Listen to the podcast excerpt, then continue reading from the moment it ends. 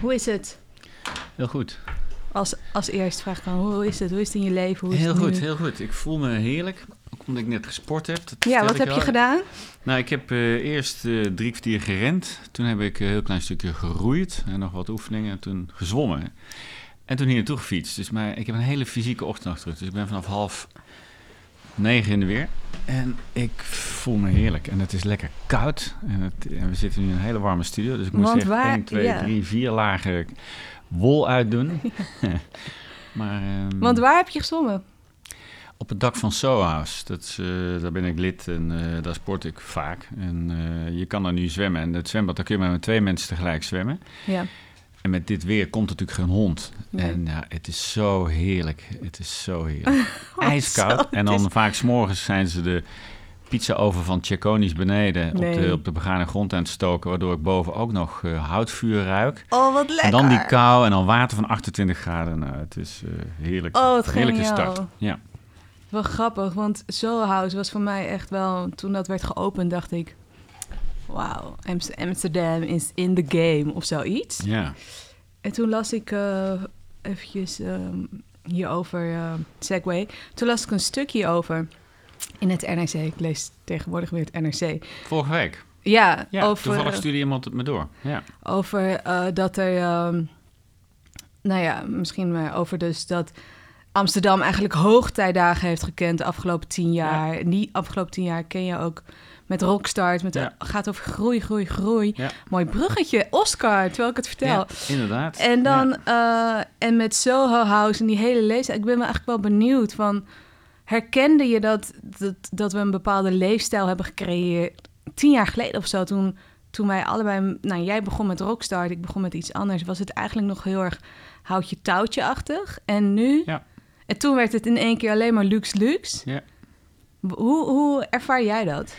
Nou ja, niet luxe luxe. Ook al weet ik hoe dat klinkt als ik net op een dak heb gezwommen. Maar dat, ja, Sohouse was voor mij een heel toevallig en welkom moment. Omdat ik net bij mijn bedrijf weg was, Rockstar. Althans, daar wel aandeelhouder bleef, maar niet eh, nog kwam. Eh, en ik had toen heel veel gereisd en ik was weer terug in Amsterdam. En ik dacht, nou, eigenlijk wel fijn om een plek te hebben. En toen kreeg ik een mail van Nick Jones. eh, die zei, eh, ja, volgens die en die wil je wel lid worden bij Soho House. En ik dacht, nou, perfect timing. Dus die jongen die heb ik gevraagd, eh, is de moeite waard? Hij zei, ja, ik ben, eh, ben in allemaal geweest. Het is een heerlijke plek om te leven, als je, zeker als je geen kantoor hebt. En toen heb ik meteen een lidmaatschap genomen. En dat ging in de zomer van 2018, eh, ben ik daar... eh, ja, terechtgekomen en, en uiteindelijk ja, veel dagen per week gaan zitten. En ik zag natuurlijk ook wel dat dat een, eh, een slice van de samenleving is van relatief veel jonge, creatieve mensen. Het is een, ze hebben een, een policy van creative industry als lidmaatschap. Geen bankiers, geen advocaten. Eh, nou, dat kan een verademing zijn, ligt eraan eh, waar je vandaan komt. En, en verder hele goede faciliteiten. Dus het is luxe, maar het voelde voor mij ook echt als een ideaal moment voor een heerlijke refuge midden in de stad. Want hoe, ehm, ja, wat was Rockstart en wanneer ben je mee gestopt en hoe is dat proces gegaan? Ja, Of wat nou, is eh, Rockstart? eigenlijk- Jij noemt die tien jaar. Ik ben tien jaar geleden met Rockstar begonnen. Dat wil zeggen, ik had wat een beetje het begin markeert, is een, ehm, een, een interview wat ik gaf aan het FD op de eerste dag dat ik een sleutel had van mijn kantoortje aan het Rokin. En dat was een kantoor van ja, net zo klein als deze studio. Ik denk zelfs iets kleiner.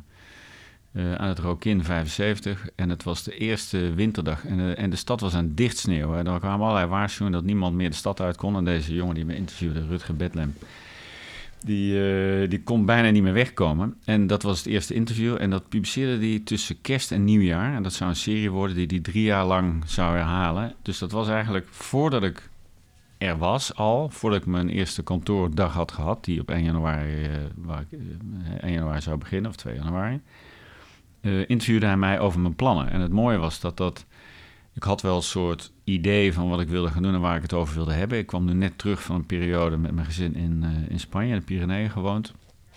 En ik dacht, ik ga iets met startups doen. Ik weet niet precies wat. Dus laat ik beginnen met een documentaire erover te maken. Zo'n vaag idee. En dan, als ik dat dan doe, omdat ik uit media kwam, was dat eigenlijk heel logisch. dan vind ik wel eh, een aanknopingspunt ergens. En uh, nou ja, en die vond ik. En uiteindelijk werd het een accelerator. Die, uh, die documentaire is nooit gekomen. Die kreeg ik niet gefinancierd. En, en, en de accelerator kreeg je wel gefinancierd. En die accelerator kreeg ik wel gefinancierd. Want zoiets moet je financieren. Ja, ja. Um, dus Rockstart was een accelerator voor... Want ja, het is wel grappig, want tien jaar geleden was start-up dat woord nog best wel een soort van vaag of onbekend. Binnen één, ja, twee jaar. Besmet, hè? Dus het was vaag en onbekend. Ja. Of het was besmet door de jaren nul, eind jaren negentig, bij de eerste internet uh, rush. De boom vooral, ja. Ja, en daarna dus uh, inderdaad de, de, de, de burst van de bubble. Daardoor was van ja, start-ups, dat zijn bedrijven die nooit winst maken, die gewaardeerd worden op aantal mensen die er werken en dat soort dingen. Ja.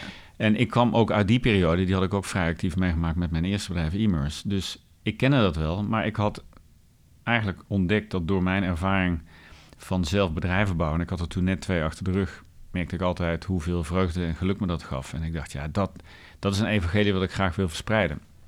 En mensen kennis mee wil laten maken hoe heerlijk het is om een weg van autonomie en weliswaar pijn, afzien, bla bla bla uh, mee te maken, maar om die af te, af te gaan. Uh, en dus anderen daarmee kennis laten maken door een bedrijf te beginnen wat mensen helpt om een onderneming te beginnen. Of in ieder geval te laten groeien in die eerste fase waarin ze alle fouten kunnen maken die je kan maken.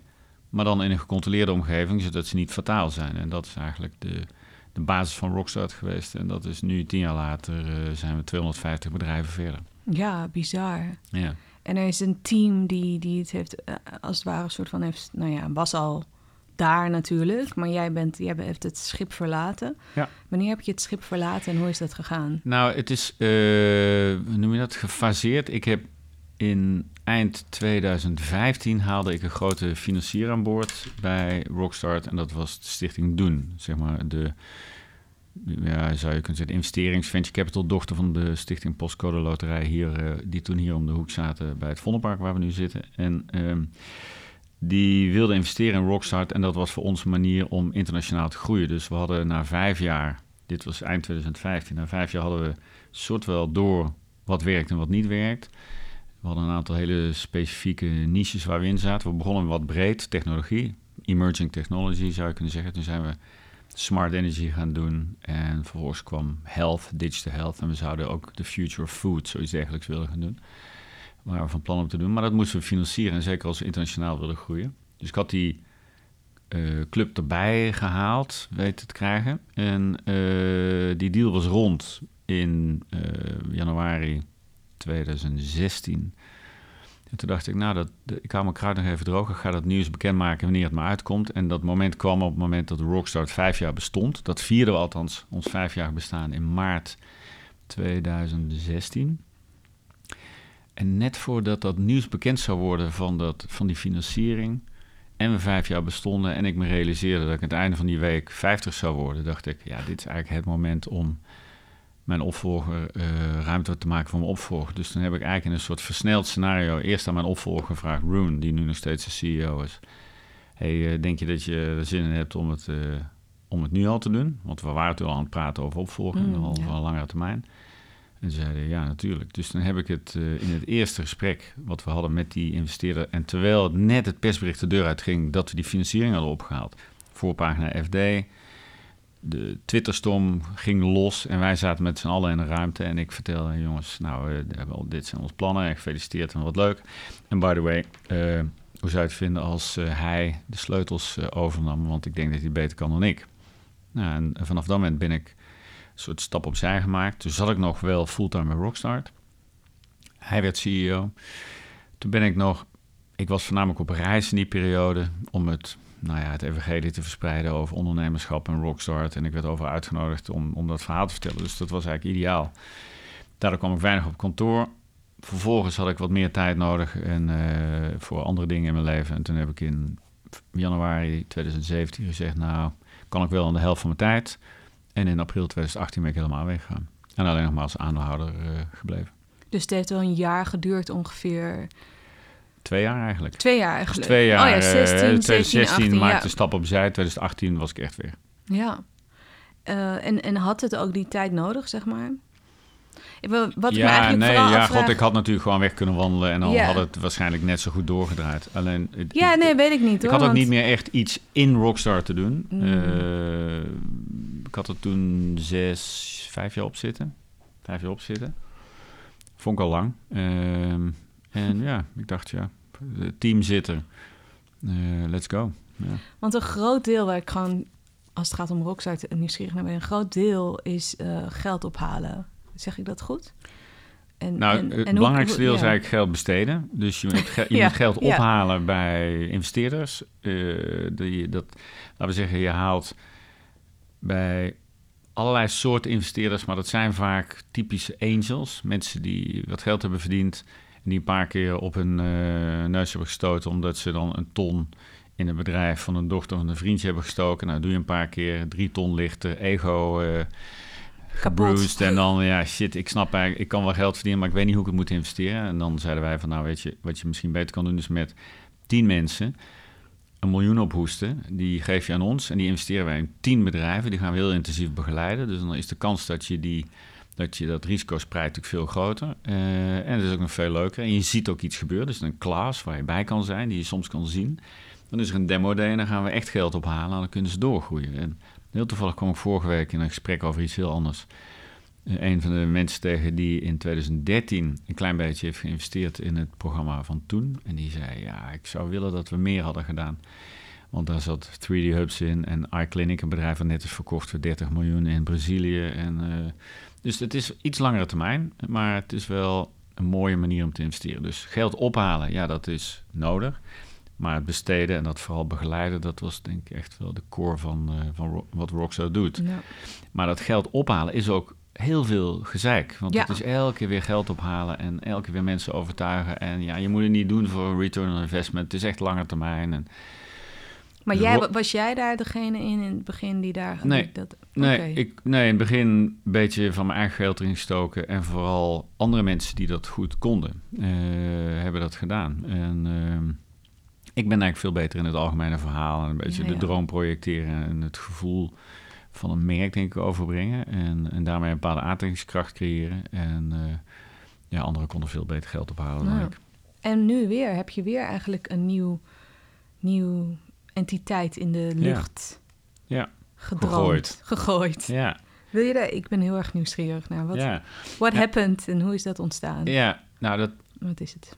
Het, ehm, ik was, nou ja, om even die sprong te maken van ze. hè, In 2018 had ik mijn handen vrij. Helemaal vrij. En dat was natuurlijk heerlijk. En ehm, je hebt natuurlijk naast werk heb je zoveel andere dingen te doen. Ik had toen, toen nog, inmiddels overleden, een dementerende moeder. Ik heb zes broers en zussen. Ik heb twee kinderen die nu bijna 21 en 17 zijn. Kortom, er is genoeg te doen in je leven waar je je tijd aan kan besteden. En dan ook nog met een beetje sporten en andere leuke dingen. Nou ja, kortom, ik kwam mijn Tijd tijd, gaat door. snel voorbij, hè? Dan, Tijd snel ja. voorbij. Ja. En, en ik had er ook ervaring mee. Ik had al twee keer eerder in mijn leven zo'n periode van één à twee jaar tussen aanhalingstekens niks doen, sabbatical eh, genomen. Wacht, heel, heel, veel, heel veel pauzeren. want Was het dan nu minder spannend om zo'n soort van sabbatical? Of was het überhaupt ooit spannend? En ik denk dat voor heel veel mensen namelijk best wel spannend is om zo'n soort van... Ik weet even niet wat ik ga doen, maar ik leef gewoon mijn leven. Zo, weet je wel, zo klinkt het dan in ieder geval. Ja, ja, voor mij is het niet spannend, maar het is de eigenlijk omdat ik ook. nee, omdat ik nooit zo ik ben niet zo planmatig en heel erg intuïtief, wel intuïtief, niet planmatig, dus en inmiddels oud genoeg om te vertrouwen op dat proces. En ik weet ook van nou ja, ik weet niet precies wat ik ga doen, maar ik voel wel dat hier iets gaande is. Dus wat ik dan probeer en dat is een beetje waar ik nu in zit, zoals je dat net ook verwoordt, ik gooi iets in de lucht en ik kijk even wat er gebeurt. En ja, soms valt het gewoon plat neer en dan denk ik, oké, nou leuk, maar maar ik denk altijd, ik, ik heb wel een soort neus voor wat er gaande is. Ehm, en Is het ooit plat neergevallen bij jou? Dat vraag ik me dan af. Ja, dat weet ik. Maar hoe, hoe, wat Ja, moet niet, niet bij de grote dingen. Bij de grote dingen die, Ja. zoals de bedrijven, zeg maar, Emerce en Bright en Rockstart. En nu, dit moet nog blijken natuurlijk. Origin kan natuurlijk vaak kan mislukken. En eh, nou ja, goed, dan zien we dan wel weer. Maar ik voel wel, hè, zoals ik even terug naar jouw vraag van, ja, hoe is het dan, wat, wat is het, of wat, hè, wat is er eigenlijk gebeurd, of wat is er ontstaan?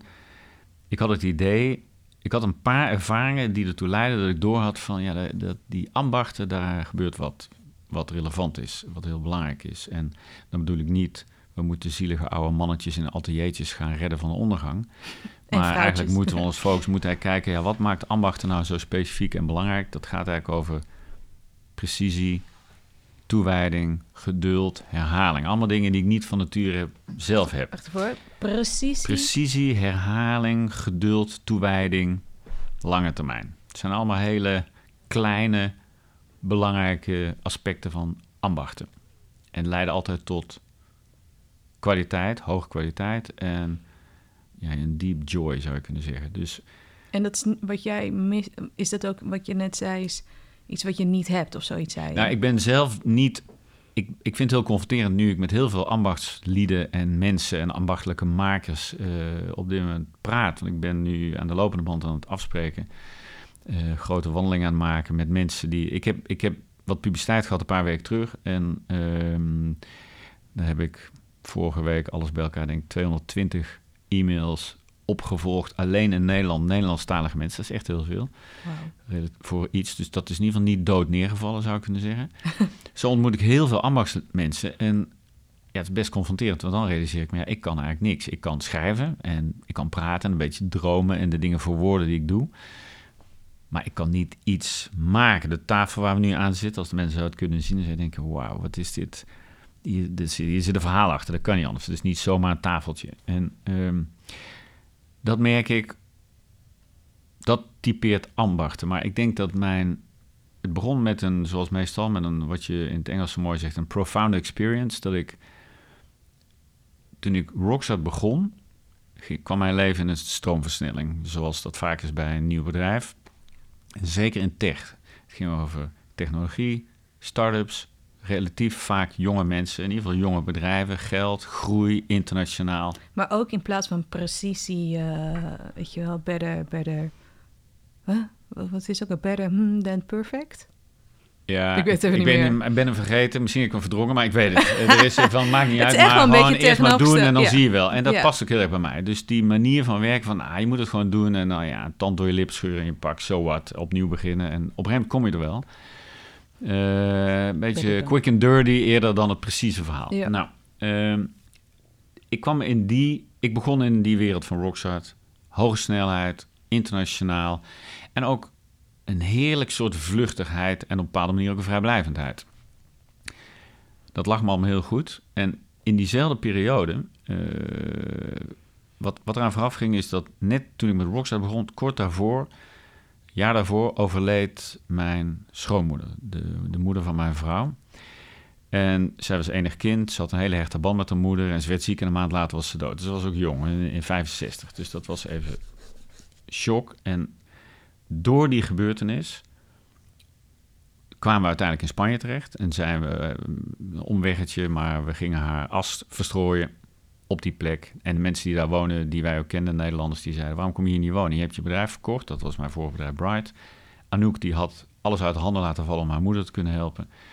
En die was ik een beetje aan het zich afvragen wat ze moest gaan doen. Dus wij zijn er gaan wonen. En in Spanje besloot zij: Ik kap met het werk wat ik doe. Ze deed finance en operations voor kleine creatieve bedrijven was ook heel goed in, maar ze vond het, ze lag wakker van andermans geldproblemen en uh, ze vond het eigenlijk bad karma om hele getalenteerde fotografen en illustratoren en journalisten meer te laten doen voor minder geld in minder tijd. En dat vond ze echt een slecht idee. Dus ze zei, dat ga ik niet meer doen. En toen wij terugkwamen en ik met Rockstar begon, is zij eerst een jaar eh, of een half jaar in een atelier gaan zitten, gaan spelen en werken en experimenteren met papier en textiel en andere materialen. En ineens viel het kwartje. Toen zei ze, ik wil kleermaker worden. En nou, dat is fantastisch. Maar ook nog eens, wow, hey, uh, op je 42ste, 40ste kleermaker worden. Terwijl de mensen die beginnen met dat vak, eind teens, begin 20, die zijn makkelijk snel en hoog, hè, die hebben een hoog tempo. Dus dat is nog wat. Maar het verhaal was gewoon zonneklaar, dit ga ik doen. En ze realiseerde zich dat het ook de legacy van haar moeder, stiefmoeder, oma al dat klopte. En dan begin je met een avondopleiding een beetje zoeken. En vervolgens met een hele goede, er zit in Amsterdam een hele goede meesteropleiding, uh, coupeur. Uh, die is ze gaan doen, dagopleiding. En toen wist ze ook zeker, ja, dit is het. Dus terwijl ik in een sneltrein terechtkwam, internationaal rockstar technologie, snel, snel, snel, zag ik haar, kon ik natuurlijk haar observeren van dichtbij. En ik zag dat, ze, dat er twee dingen waren. Eén was een lijdensweg van het leren van die tienduizenden uren om iets in je vingers te krijgen. Nou, dat is. Het lijkt me hetzelfde als ik morgen ga proberen om een tafel als dit te maken. Nou, dat gaat duizend keer fout. En elke keer weer terugwerken. En elke keer van, oh nee, en weer terug. En weer uithalen. En weer terug. En weer terug. Echt een lijdensweg. Maar ik zag ook dat als ze erin zat, en dat was profound zou je kunnen zeggen, dan zag ik dat tijd en ruimte verdwenen en zij was, dat was pure joy. Het was echt geluk. En ik wist meteen, als ik dat zag, en elke keer als ik het zag, dacht ik, ja, dit is belangrijk. Dit is, en niet met, belangrijker dan wat ik deed, gewoon, dit is belangrijk. Dat was mijn observatie. En dat was ergens in begin jaren 10, dus zeg even 12, 13, 14. Zeg, nou. Ik sloeg dat op. En intussen, als je dat als je zo'n zo'n registratie hebt gedaan, dat je dat hebt gezien, dan gaat natuurlijk steeds meer verhalen je opvallen. En toen hoorde ik het verhaal van een denim fabriek in Wales in Engeland. Die, uh, ja, ik, ik weet niet eens voor wie ze denim maakte, spijkerbroeken, maar laten we even zeggen voor een grote supermarkt. Laten we even zeggen voor het gemak Tesco. En uh, zoals het gaat bij grote opdrachtgevers, die zeggen op een dag: Jongens, sorry, we gaan de tent sluiten, we gaan het in Bangladesh doen. Dus 400 mensen in een klein dorp in Wales, waarvan dus 400 gezinnen en nog allerlei andere mensen daarmee verbonden zijn, ineens tent naar de hè, dicht. Intussen was er een reclamejongen in, uh, in Londen, bij, in Saatchi, die uit, die uit dat gebied kwam. En die kwam terug thuis en die ziet dat en die hoort dat nieuws. En die besluit, ik kan geen spijkerbroeken maken, zij wel, maar ik weet heel veel van merken bouwen. Ik begin een nieuw denimmerk en dat werd Higher Jeans. En, die, en dat vond ik zo'n inspirerend verhaal. Zo'n, Niet alleen die reddingsactie, maar ook het belang van die traditie en het werken van die mensen, die kennis niet weggooien en laten weglopen. En ja, jammer dan. En zo zijn er natuurlijk heel veel voorbeelden. Dus ik ging steeds meer van dit soort verhalen horen. En toen dacht ik, nou, daar wil ik iets mee. En dus dat, dat sloeg ik op in mijn achterhoofd, zo in de afgelopen tien jaar. En de profound experience was vervolgens dat ik met uh, Anouk, mijn vrouw, in Japan was op uitnodiging om daar te spreken voor namens Rockstart. Uh, en we daar op een modeacademie, de Bunka uh, Fashion Academy, kwamen. En zij daar een stof vond die we beide zagen, een dikke, wollen, blauwe stof. En we zagen hem beide tegelijk en beide hadden een associatie met een overshirt wat ik ooit had gehad 25 jaar geleden van Stone Island en waar ik in leefde. En dat was, we zagen meteen hetzelfde in die stof. Nou, lang verhaal kort, ze neemt die stof mee naar huis. Die komt op de stapel van al de stoffen die zij verzamelt, van Dries van Noten en noem maar op. En die, nou, die stof die verdwijnt uit het zicht. En op mijn verjaardag in 2018, uh, eh, zo rond de periode dat ik vertrek bij Rockstart, krijg ik een overshirt wat zij heeft gemaakt van die stof. Nou, op zichzelf natuurlijk fantastisch, geweldige verrassing. En ik voelde natuurlijk niets dan liefde, enzovoort, enzovoort. Maar ik merkte elke keer als ik die, dat overshirt droeg, aandeed, voelde ik iets wat zo diep ging over die ervaring van het weten waar die vandaan komt, het weten waar die naar gemodelleerd is, wie het heeft gemaakt, wat het verhaal er is, de leidensweg die eraan vooraf is gegaan. Dus ik kende het verhaal van het overshirt als geen ander. En toen dacht ik, als je weet wat de oorsprong en als je een beetje met een beetje uh, goede wil kun je zeggen, als je weet wat de ziel van iets is, ook al is het maar een product en het is maar gewoon stof gemaakt. Maar als je dat weet, dan ga je er anders mee om. Dan, dan verhoud je je er anders toe. En als je dat hebt met een overshirt, dan heb je dat ook met een tafel die, als die is gemaakt van een boom waar je naast bent opgegroeid, of enzovoort. Dat soort verhalen. En toen dacht ik, ja, dit is belangrijk in deze tijd waarin... En ik heb een dochter van 16 en t-shirts van 1 euro. Ja, dat is... Uh, nou ja, in, uh, in de waan van alle dag uh, zie ik je ook voorbij komen. En ik van, ja, dat, dat is niet echt duurzaam. Maar je moet niet gaan ja, moralistisch gaan preken. Je moet eigenlijk laten voelen wat het betekent als iets echt waarde heeft. En toen dacht ik, weet je wat, daar ga ik gewoon een bedrijf mee beginnen. Ja. En nou, dan ben ik toen in de zomer vorig jaar besloot ik... Weet je wat, ik ga me eerst even afzonderen in hetzelfde Spanje als waar we gewoond hebben... Dus even de afgelopen jaren herkauwen. En vervolgens ga ik naar Japan om me te verdiepen in het onderwerp. En dat was eh, afgelopen januari en februari. En zo is het gekomen. Wauw. Mooi. Ehm het zijn allemaal verschillende dingen waar ik eh, graag dieper op in wil gaan. Eén is, nou ja, even helemaal terug. Dat jouw vrouw, dat jullie dus de vorige periode van een soort van stilte en bezinning eh, in Spanje enigszins uh, geforceerd, maar dus ook wel heel erg welkom. Ja, zeker. Ja, ja. Ehm, ja dat- het hele gezin natuurlijk. Ja. ja, sowieso heel mooi. En eh, wat ik ook wel heel mooi vind, is dat jouw vrouw er dan voor kiest om te vreumelen in een atelier. Ja. En, en ik hoor jou nu ook wel vertellen van... Ja, en dan denk ik, ja, ik moet hier iets mee... Nou, ik ga maar eerst me eens even afzonderen. En eh, dan eens even echt verdiepen in, Ja. in Japan. Ja, ik denk dat, nou ja, in ieder geval mijn neiging zou veel sneller zijn... eh, ja, weet ik veel, gaan of zo, of iets, of praten. Of... Maar dat afzonderen, verdiepen, vreumelen... eh, heb je enig idee waar dat bij jullie vandaan komt? Of wat is daar... Ja, nou, ik denk dat we beide intuïtief zijn. Dus eh, intuïtief handelen of leven. Ehm, en daar, dat, nou, dat heeft ons leven goed gedaan. We hebben een fijn leven. We zijn 33 jaar bij elkaar. We, we zijn gezond. ehm, maar we hebben denk ik steeds wel de keuzes gemaakt die voor ons goed waren als gezin. Ehm, dus je kan in ieder geval zeggen, nou ja, er zijn duizend andere manieren om iets te doen, maar voor ons werkt dit. Ehm, en wat ik eerder zeg, als je het al vaker hebt gedaan en het is niet fout gegaan, of het lukt zelfs, ja, dan is het ook, dan heb je er vertrouwen in. Dus ik denk dat het voor mij ook geldt.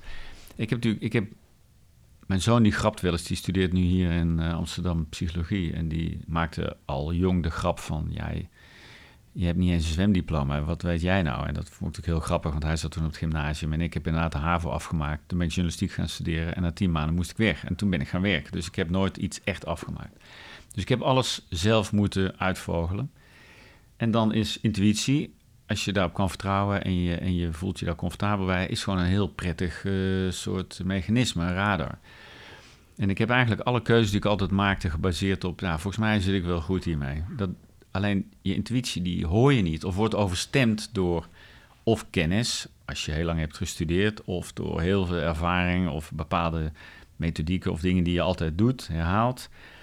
Je, je hebt gewoon even stilte nodig om, dat te, om te horen wat dat tot je, hè, wat dat zegt tegen je, laat ik het zo maar even zeggen. Dus ik denk dat dat, die afzondering heeft daarmee te maken. Ehm, en ik weet natuurlijk ook niet zeker. Dus ik ga eerst, ik moet echt even goed nadenken van, is dit nou schattig, leuk, of is het alleen maar een ode aan mijn vrouw, of is, hè, is het, wat, wat is dit eigenlijk? Probeer het echt te ontdoen van alle verhalen die eromheen zijn. En eh, ja, dat doe ik, doe ik in ieder geval best een afzondering. En vervolgens ga ik echt heel systematisch te werk. En omdat ik niet alleen maar ervaring heb als ondernemer om bedrijven van de grond te tillen, ja, moet ik gewoon een manier hebben om het te verdiepen. En Japan was daar gewoon een hele geschikte plek voor, omdat ze natuurlijk en heel vooruitstrevend zijn en modern en AI en robotisering. En anderzijds de tradities en cultuur van ambachten echt uh, op, uh, neerzetten, als eren. Dat is heel erg belangrijk in Japan. Dus achteraf een hele goede keuze om me daarin te verdiepen. Ja, en systematisch ga je dan te werken? Hoe ga je dan te werken? Wat, ga je, wat doe je dan in Japan? Elke, ja, je komt nou, aan in Japan, wat doe je? Wat ga je ja, ja, ja, grappig. Ja, ik kwam, uh, ik vertrok 29 december, dus een jaar geleden. Ik kwam aan de 30ste en ik werd wakker de eerste ochtend, uh, de 31ste dag. Nou, prachtig, de laatste dag van het jaar. Ga eerst de buurt maar eens verkennen. Ik sliep in een artist residency van een, uh, een kerel waar ik ooit mee had gewerkt. Uh, Luis Mendo in Tokio. Een klein galerietje in een oude rijstwinkel. En dan twee verdiepingen daarboven. En dat is allemaal Japans klein. Zo groot is deze studio nogmaals. Die uh, slaapkamertje van vier bij vier. En een dakterrasje met een douche buiten. Super klein. Maar ik kon daar zes weken werken. Dus ik had een hele eenvoudige routine. Ik stond op. Eerst schrijven. Gewoon schrijven om te schrijven. Dus niet met een doel en niet aan een plan. Maar ook geen, gewoon schrijven om die schrijfmotor weer aan te zwingen. Ik merkte dat als je gaat verdiepen in ambachten, van ja, ga je natuurlijk heel confronteerd. Wat is dan jouw ambacht? Ik denk, nou, ik kan wel een beetje schrijven. Vroeger veel gedaan natuurlijk als journalist. Um, ik dacht, nou, dan ga ik dat ambacht maar weer gebruiken om die creativiteit in mij weer tot, tot leven te wekken. Dus ik stond op, ik zet koffie, ga schrijven. Vervolgens ben je drie kwartier, pak een beetje een uurtje aan het schrijven. Nou, en dan ging ik meestal sporten en, en, eten en dan mijn dag beginnen. En dat is gewoon research. musea, boeken, filmpjes, YouTube, rondwandelen, mensen praten. Alles wat ik kan doen om dit onderwerp eigen te maken. Maar toch nog steeds een relatieve afzondering. Dus ik had wel een huisgenoot, een Italiaan later een Amerikaanse, die ook iets anders aan het doen waren dan wat ze gewend waren. En natuurlijk, Tokio is in alle opzichten zo anders dan je kent. Andere kant van de straat fietsen, ander eten, andere taal, ander script, andere, volledig andere cultuur, hele andere omgeving. En toch kun je daar een soort, als kluizenaar in stilte in zo'n stad van 35 miljoen mensen heel erg goed concentreren. Maar omdat alles zo anders is, zit je ook nooit vast in je eigen comfort en je eigen routines. En, uh, dus de combinatie van totaal andere setting en de toewijding van schrijven elke dag en vervolgens researchen, dat leidde uiteindelijk tot een manifest dat ik schreef en publiceerde, zou je kunnen zeggen, uh, voor het eerst voordroeg op 8 februari dit jaar. En uh, ik dacht, ja, dit is dan, dit is waar het over gaat. Dat weet ik dan nu. Het gaat over de essentie van ambachten. Het is een beetje een, lied, een liederlijke, romantische verhandeling over ambachten. En over de schoonheid van de ziel van een product en van de maker. En het, het legt eigenlijk uit wat het betekent als je de connectie tussen maker en gebruiker weer kan herstellen. Nou, en dat was klaar op 8 februari. En toen dacht ik, nou leuk, knippers, al die aannames. Nu ga ik maar eens even toetsen of dat klopt. Dus toen ben ik door Japan gaan reizen en toen ben ik allemaal ambachtslieden gaan bezoeken. En ik had het geluk dat ik een boel mensen inmiddels ken in Japan die me hielpen met tolk. Want ja, echt waar. En zeker hoe, hoe ambachtelijker en hoe traditioneler, hoe minder mensen uh, niet iets anders dan Japans spreken. Dus uh, daar had ik heel veel geluk bij. Uh, dus er stonden altijd wel mensen of van de overheid klaar, of een tolk, of Oh, een chauffeur. En ik, dat was echt enorm goed geholpen.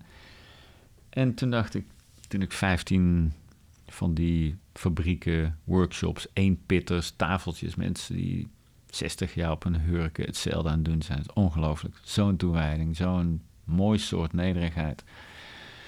Toen dacht ik, volgens mij is dit gewoon wel goed. Uh, hier, hier, hier kan ik wat mee doen. Ik zag het gat wat ontstaat bij bijvoorbeeld een elfde generatie sake-brouwer...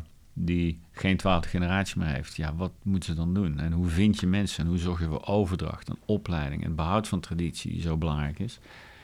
Dus dacht ik, ja, er zijn zoveel bruggetjes die of wegvallen doordat jongere generaties anders gaan doen, of omdat het niet meer te vinden is, of waar dan ook, of te geïsoleerd ergens werken in de bergen en een mes aanmaken is, of messen aanmaken is. Ik dacht, daar valt, als je, als, als je het belangrijk vindt dat dingen nog goed gemaakt worden, dan moet je zorgen dat je daar kan helpen. Toen dacht ik, nou, als je eerst kan helpen, dan voeg je waarde toe. En als je waarde toevoegt, ja, dan is het eigenlijk de kunst van ondernemerschap om uit te vogelen hoe je daar nog geld mee gaat verdienen. En dat is, dat is mijn vak, zou je kunnen zeggen.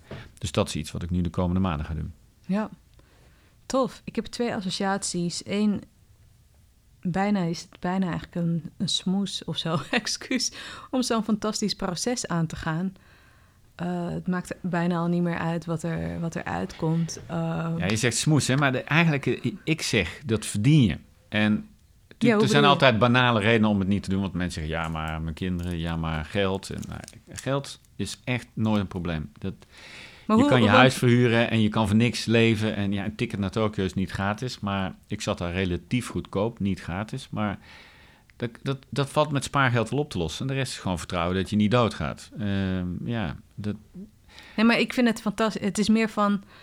Vinden dat je het verdient, Yeah, is, yeah. dat is één. Vinden dat je dat dat je dat kan doen, ja. uh, is de Waar eerste haal je stap. dat vandaan? Waar haal je dat vinden dat je het verdient vandaan?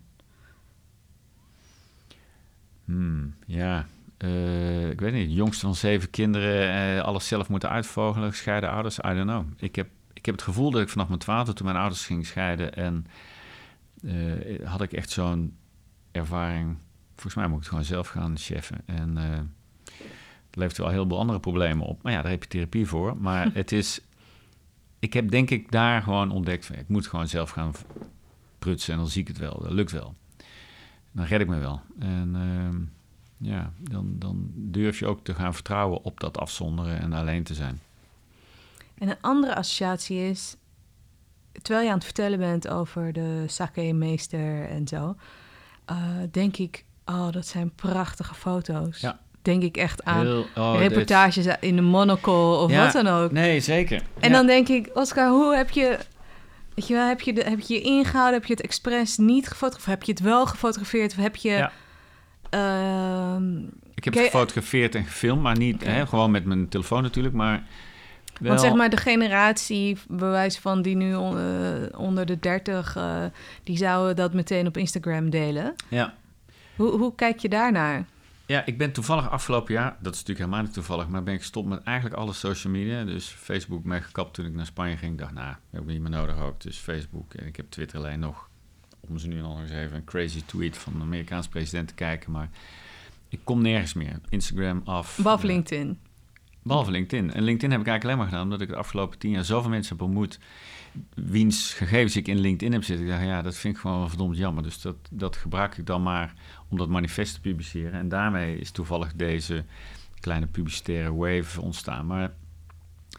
ehm, nou ben ik even van me apropos. Jij vroeg Ja, naar. de, de foto's niet direct Foto's. delen, ja. Nee, ik dacht dat ja, kan ik wel doen, maar dan ja, en so what, weet je wel? Ja. Ik, ik vind, ik moet het nu hebben van een verhaal. Ik heb natuurlijk als mediamens ook heel veel momenten gehad en ook gezien. Ik, oh, nou, dit is een documentaire. Alleen dit al is een documentaire. Ja. Dit, dit leven van deze mensen is een documentaire. Foto, alles. Maar daarmee ga je ook, als je de hele tijd aan het delen bent, en ik heb best wel actief veel gedeeld op, op social media de afgelopen tien jaar, en ook bedrijfsmatig gebruik van gemaakt, gaat er ook iets verloren. Dan gaat energie verloren. Er gaat een soort nauwkeurigheid verloren. Het heeft, een soort, je strooit maar de hele tijd. Terwijl als je al die energie die je daar niet insteekt, kan stoppen in het slijpen van de geest eigenlijk, van je, je, je plan, maar ook je geest. En je, je preciezer kan gaan richten op wat, het, wat, je, wat je gaat doen. Ik merk dat, dat dat me heel veel kalmte geeft en overtuiging. En het bizarre is helemaal dat ik denk, ik mis het nooit. Er is, er is niet één iemand die heeft gezegd, ik zie je nooit meer op Facebook. Niet één, hè. En het is gewoon, ik ben echt verdwenen. Je kunt me niet meer vinden. Niet, niet één iemand heeft gezegd, ik mis je. En ik heb nog nooit gedacht, goh, toevallig hoorde ik gisteren van iemand die is verongelukt in de Filipijnen. Hoorde ik gisteren. Een keer met wie ik eigenlijk alleen maar via Facebook contact had. Heel, heel treurig. Gelukkig wist zijn ex-vriendin mij te bereiken. Maar je mist niks. Het is heel bevrijdend om niet steeds dat vragende dingetje te hebben. En, ehm, Je, je kan en je kan je energie in iets anders steken Ja, eigenlijk. mooi. We hebben nog maar eh, twee minuten, Oscar. Gaat snel, hè? Ja. Wanneer hou je nou eens op met praten? Ja, hou- hou eens op met praten, joh. Nee, ik... eh, even een hele persoonlijke ehm, vraag. Of tenminste vanuit mij persoonlijk. Eh, ik, ik ben negen... nou, Ik ben 38, sorry. Ik ben 38, ik word Wat? 39. En, eh, en ergens is deze podcast ook een soort van Melissa's Midlife Crisis podcast. Op een bepaalde manier. En ik word dan echt, ik word altijd jaloers eh, als ik eh, dan jouw verhaal bijvoorbeeld hoor. Dat, van hoe jij die rust pakt in Japan en ehm, gewoon ja, dat hele proces. Ehm, en ik heb weer een soort van open jaar. Ja, En ik ben eigenlijk gewoon even een hele, eh, zeg maar, egoïstische vraag. In de zin van, hè, wat raad je mij aan? prachtige cliffhanger, want we, gaan zo afsluiten. Maar in deze afgelopen vijf jaar ben ik door een behoorlijke midlife crisis gegaan, gelijktijdig. Dus je zou kunnen zeggen dat juist dat besef en die kwetsbaarheid en het lijden wat daarbij hoort... en nou ja, alle problemen die dat ook nog eens kan veroorzaken... maakt dat je eigenlijk heel zuiver gaat worden in wat belangrijk voor je is en wat niet. En dus ik geloof altijd, ik, ik ben dol op crisis. Eh, en zolang je niet eh, je vingers verliest of doodgaat, ja, valt het meestal wel mee. Hè? Dus eh, eigenlijk is een soort besef van crisis, geeft een gevoel van, ga je zoeken naar relevantie en naar urgentie. Wat is echt belangrijk voor me? Ja, dat doe je niet als alles, maar als de hele dag maar de zon schijnt, weet je. Dat doe je, dat doe je echt in crisis. Dus eh, ik zou zeggen, geniet ervan, want je hebt het nodig om je te beseffen waar je naartoe wil. En eh, dus als je de tijd kan nemen, of een jaar of een maand, wat dan ook, hè, voor iedereen is dat anders.